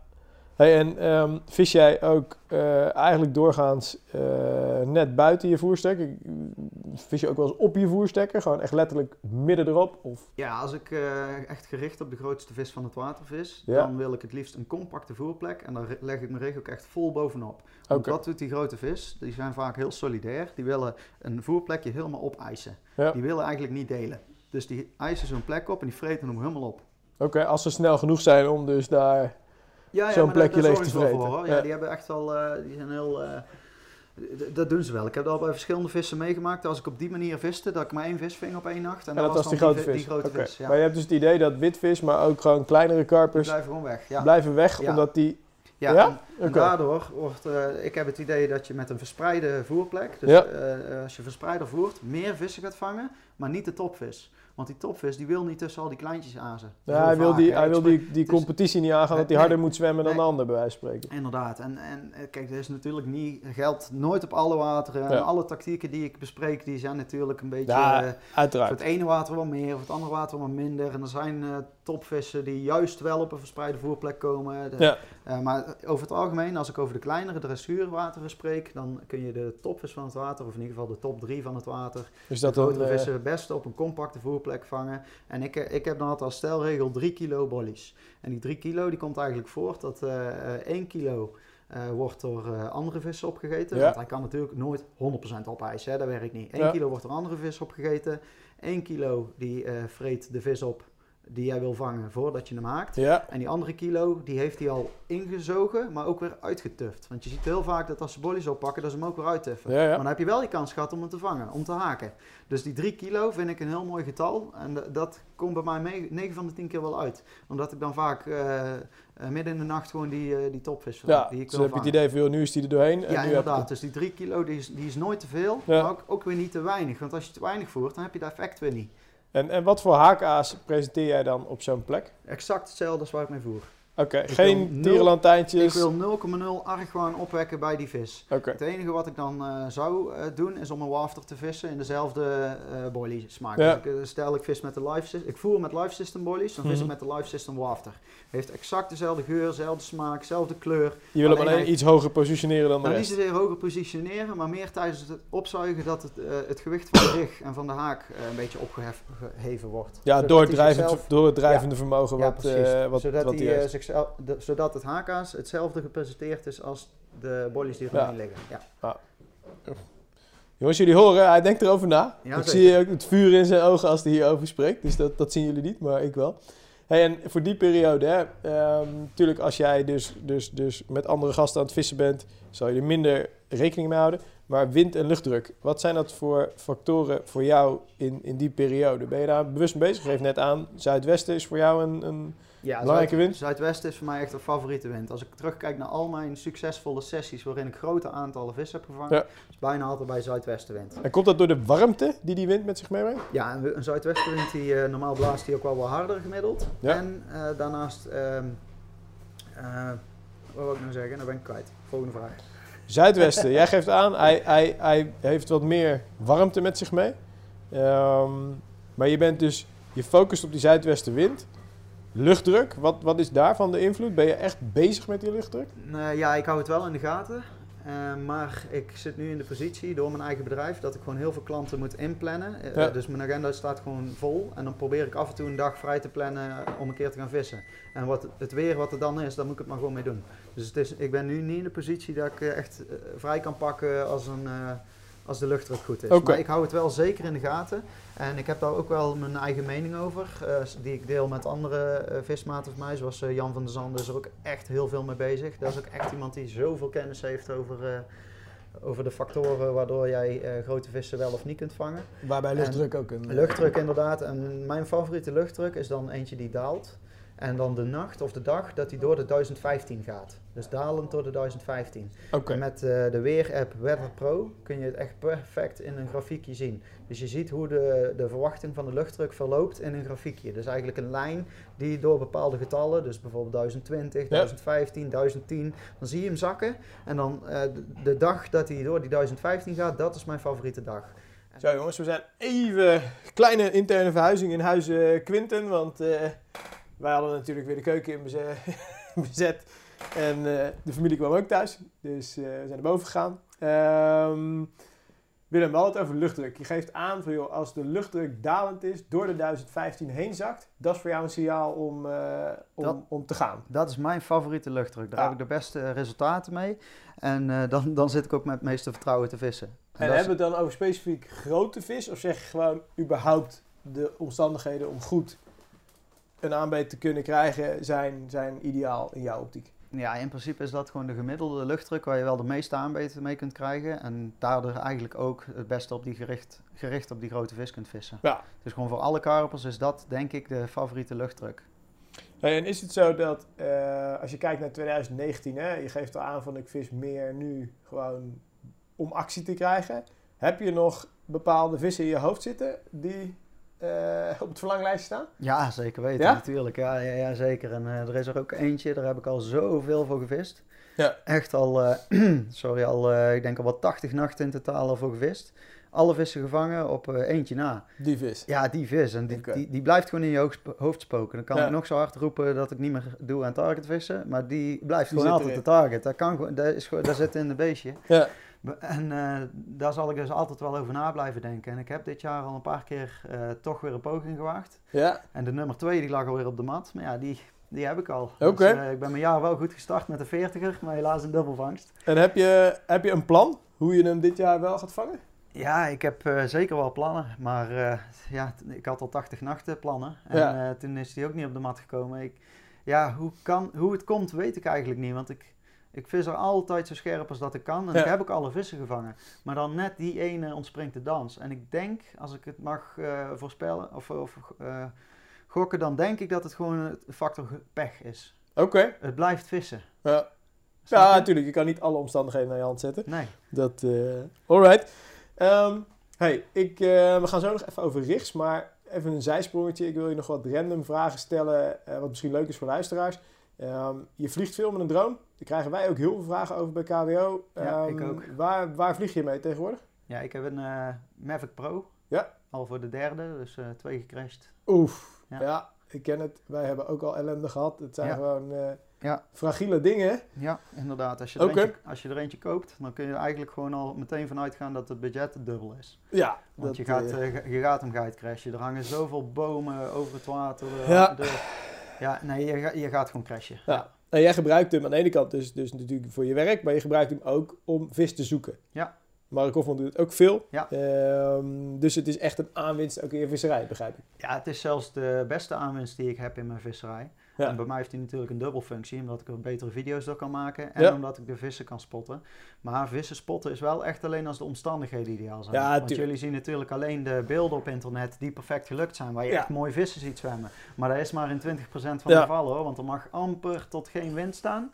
Eh, de zon die moet schijnen en het moet ondiep zijn en het moet helder water zijn. Ja. Nou, dus al die factoren moeten bij elkaar komen en dan kun je echt vissen zien zwemmen. Ja, dan die kan je je beelden zien jullie natuurlijk. halen. Maar alle beelden waarin je geen vis ziet zwemmen, ja, die zie je niet voorbij komen Ja. natuurlijk. Ja. Dus eh, het- is niet zo vanzelfsprekend dat als je een drone hebt dat je altijd de vis kan vinden. Nee, absoluut niet. Ja.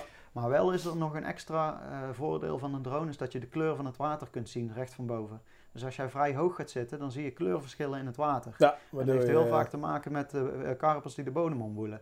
Zeker op kleibodems. Dan, wordt die, dan wordt het water gewoon één grote gelige kleiwolk. en, eh, de re- terwijl de rest van het water wel gewoon Ja, zo is. kun je ook echt En dan vis zie je lokaliseren. vissen. Ja. Je ziet geen vissen, maar je weet wel, daar azen ze. Ja, en diepteverschil zou je natuurlijk ook in kaart kunnen Ja, brengen. toch? Ik diepteverschil bedoel, en eh, wiervelden. Hè. Wier, ja. wier is echt geniaal, joh. Als je daar met je drone boven hangt, je ziet ieder, ieder stengeltje staan, de vrije plaatjes ertussen. Ja, Dus ook al zie je geen vissen zwemmen, je kunt wel nog steeds, als je met je voerboot er onderdoor vaart, Ja. heel precies jouw rigs op die vrije plekjes droppen. Hey, en als je kijkt naar eh afgelopen jaar, je beantwoordt net eigenlijk al de vraag als je het hebt over eh, technische hulpmiddelen. Heb je nog andere eh, producten in jouw visserij die je gekocht hebt de afgelopen paar seizoenen, waarvan je echt zegt van nou, hey, echt eye-opener, dat had ik veel eerder moeten doen, of wat fijn dat dat op de markt is. Heb je daar ook concreet dat je voorbeelden hebt van producten? Ik denk er even over na, kom er dadelijk op terug. Oké, kijk, hij kijkt erg geconcentreerd, dus ongetwijfeld komt er zo een, uh, een antwoord op deze vraag. Um, we gaan even naar rigs. En specifiek weer die periode van het jaar. Dus mei, juni, watertemperatuur op orde. Um, wat heeft je voorkeur? Waar vis je mee? Wat, wat zou je standaard in, uh, inzetten? Qua aas bedoel je? Nee, qua rigs. Dus echt puur uh, rigs. ja, oké, maar de rig die hangt af van het aas. Dus ik kies ja. niet de rig, ik kies het aas. Oké. Snap je? Als ik uh, uh, een flinke voerstek heb opgebouwd, dan vis ja. ik daar ook met een bolly op. Dan vis ik met een bollyrig. Dus en hoe ziet, die, hoe ziet die bollyrig van jou eruit? Ja, dat is toevallig uh, tegen de tijd dat deze video of deze podcast online komt, is er een video op KWO ja. precies over mijn rig. Dus dan leg ik hem in een half uur tijd of, of 25 minuten. exact. alles over die rig. Dus ik vertel alle ins en outs. Nou, het is eigenlijk gewoon een standaard bollyrig, maar er zitten best wel wat details aan, waardoor mm -hmm. die effectief is. En ik, ik gebruik die rig ja, toch al zeker wel een jaar of acht. Uh, ik heb die eigenlijk gewoon zelf ontworpen. Het is eigenlijk een standaard herrig. Ja. Maar dan uh, met een aantal uh, tweaks die ik zelf heb gedaan. En die gebruik ik zo al zeven jaar. En ik ben er zo tevreden over. Oké, okay, goede resultaten. Al mijn vissen haak ik in, in het hardere gedeelte ja. in de onderlip. Dus niet in de zijkanten waar het vlees zacht is. Ja. Daar gaat hij snijden. Daar krijg je die kapotte bekken van. Mm -hmm. Ik wil mijn karpers in het midden van de onderlip haken. En daar heb ik een aantal dingetjes veranderd aan mijn rig, waardoor die dus ook echt naar het midden van de onderlip wil. Oké, okay. het maakt me nieuwsgierig, maar laat ik niet, uh, hoe zeg je dat? Ja, we kunnen in de audio kan ik niks laten zien. Daarom, dus, uh, we gaan niet het gras uh, al, al, maaien, um, we wachten gewoon simpelweg op die video. Um, je geeft natuurlijk aan, ik, ik pas mijn rig aan uh, op mijn aas. Ja. Dus variant 1 is boilerrig gewoon op ja. een voersterk. Variant ja. 2 zal ongetwijfeld je chotrigs zijn yes. als je gewoon wil prikken en proberen. En dan heb je ze al. Be maak je ze zelf, chotrigs? Ja, ik maak ze zeker zelf. Ja, Ik, ik, zou niet durven om ze te kopen. Nee, ik vind ook dat de, de standaard chotrigs die je koopt met een ringswivel er al aan, vind ik eigenlijk altijd te lang. Oké. Okay. Ik vis mijn shot zo kort mogelijk bij de bodem. Maar dus hoe, leg, hoeveel centimeter? Hoe ja, echt zo kort als dat ik het knoopje kan leggen. Dus er zit echt letterlijk gewoon 1 centimeter chotlink tussen de haak en de swivel. Wow. Echt kort. Oké. Okay. Ja, en ik heb het idee dat de vissen minder argwaan hebben naarmate het, de pop-up dichter bij de bodem is gepresenteerd. Oké, okay, dus als er te veel afstand tussen zit, denk dan je dat ze... sneller argwaan. Dan zwemmen ze misschien wel... Hij valt meer op. Ja. Ze zien hem Ja, want hij hangt hoger. Maar ik weet dat ze hem minder pakken.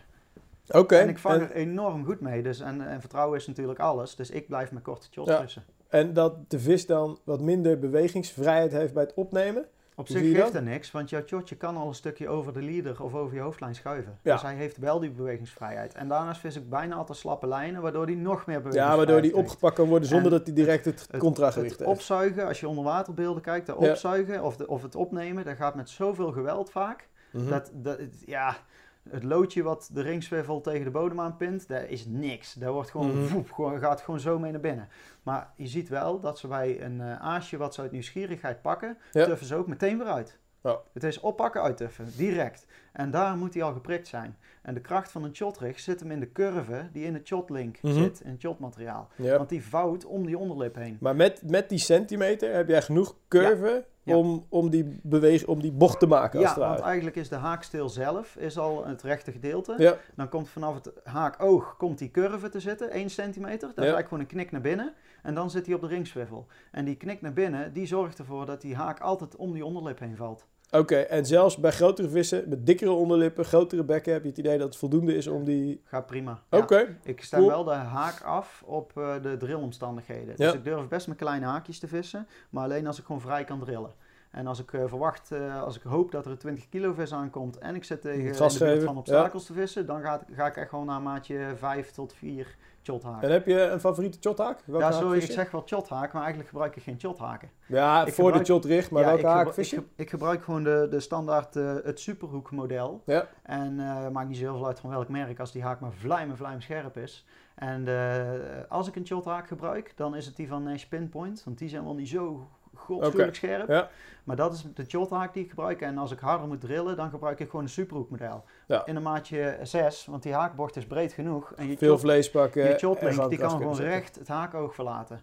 Want dat, dat, is zo, dat is net ijzerdraad. Dat kun je Ja. zo goed vormen. Waardoor je eigenlijk het haakoog helemaal niet meer naar buiten hoeft te hebben.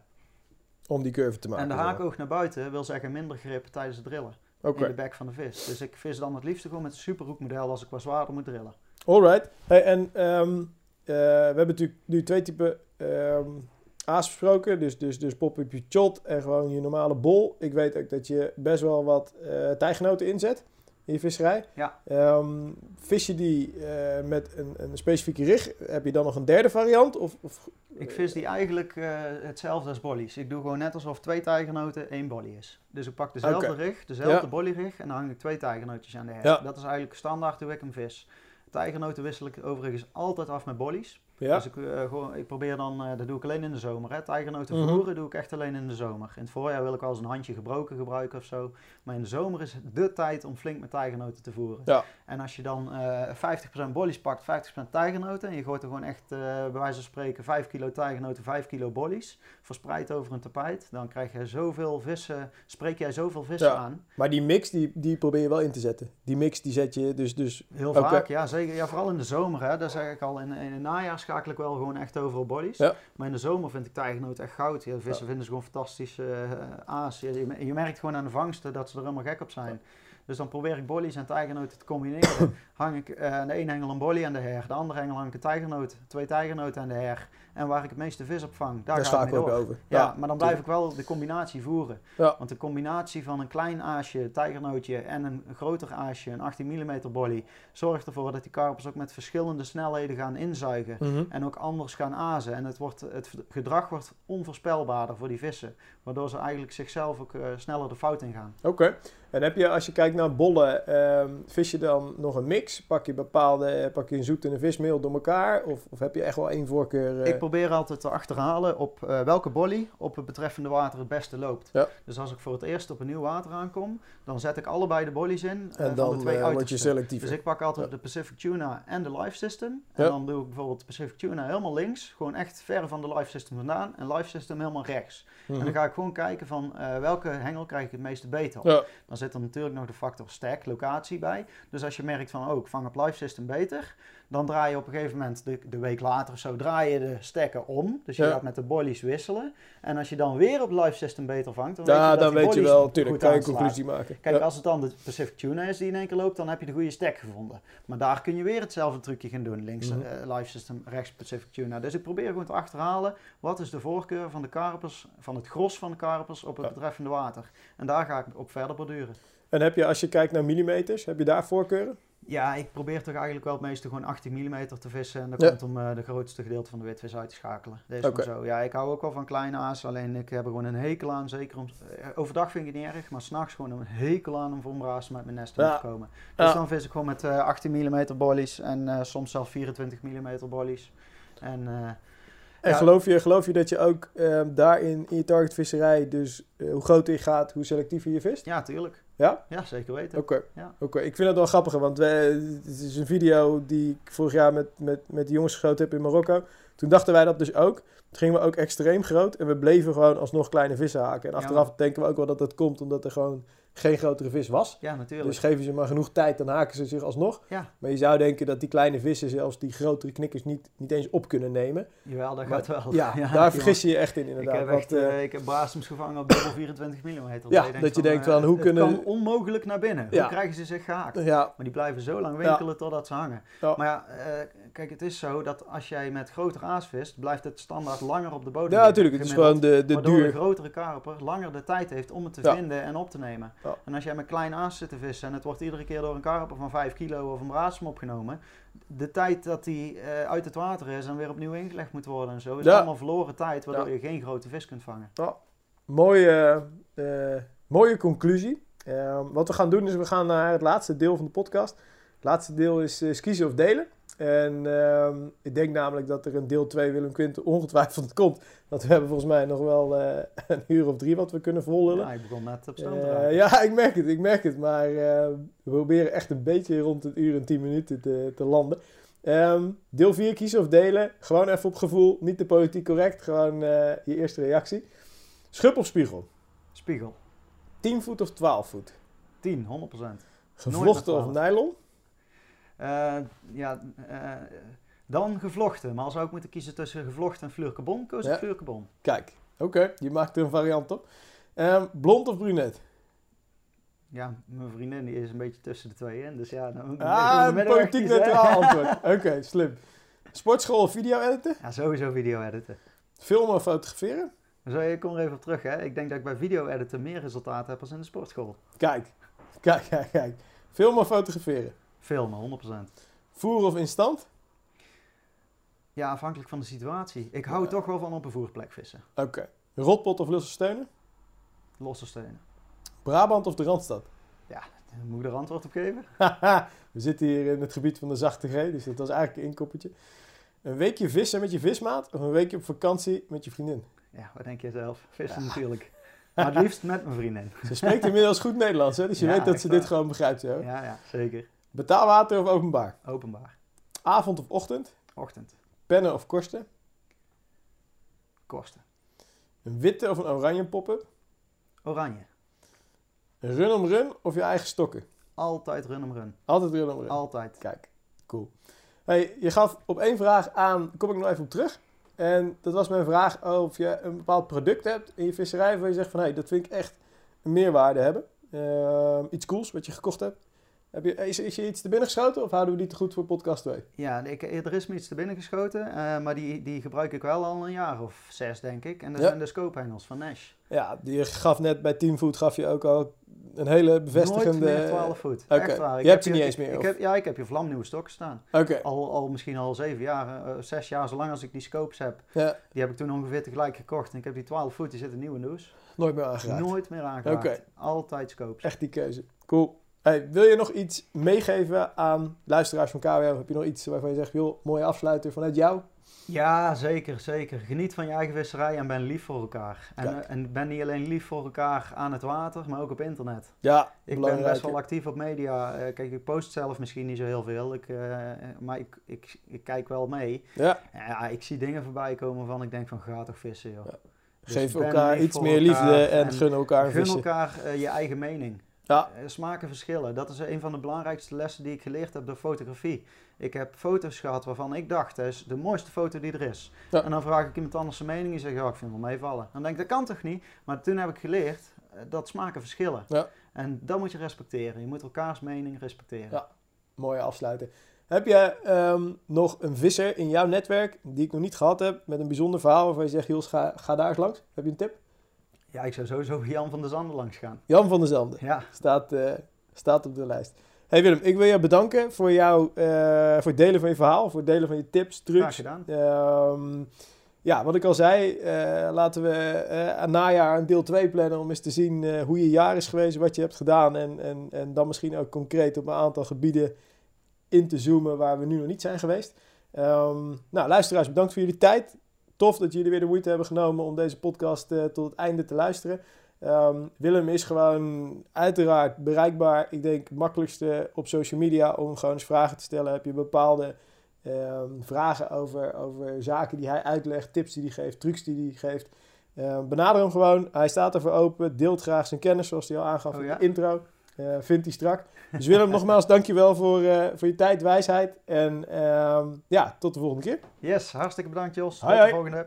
Zo, dit was hem. Hopelijk hebben jullie genoten van deze KWO-podcast. Nou, en wil je genieten van nog meer verhalen en avonturen? Bekijk dan een van de honderden updates die inmiddels voor je klaarstaan op de KWO-community. Vanaf 4,95 per maand ben je member en krijgt onbeperkt toegang tot alle vette films, artikelen en video's. Daarnaast scoor je ook nog eens dikke kortingen bij de diverse partners van KWO. Kortom, word member, bekijk alle updates op de website of download de KWO-app in de App Store. Jongens, tot de volgende aflevering.